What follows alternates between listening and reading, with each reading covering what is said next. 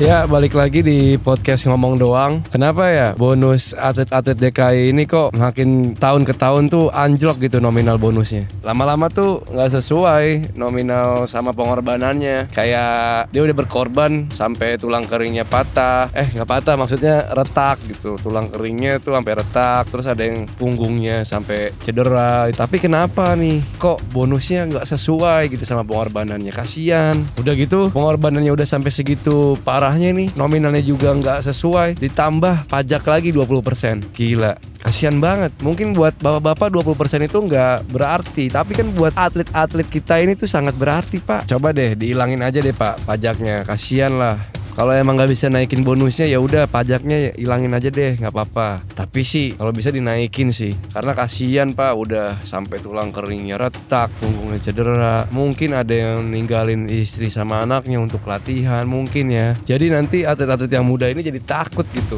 kayak Ah, males ah jadi atlet dikasih bonusnya nggak sesuai sama pengorbanannya. Ah iya, jadi atlet nggak ada duitnya. Masa depan gue jadi nggak jelas ntar. Ah males ah jadi atlet walaupun berprestasi juga nggak dihargai.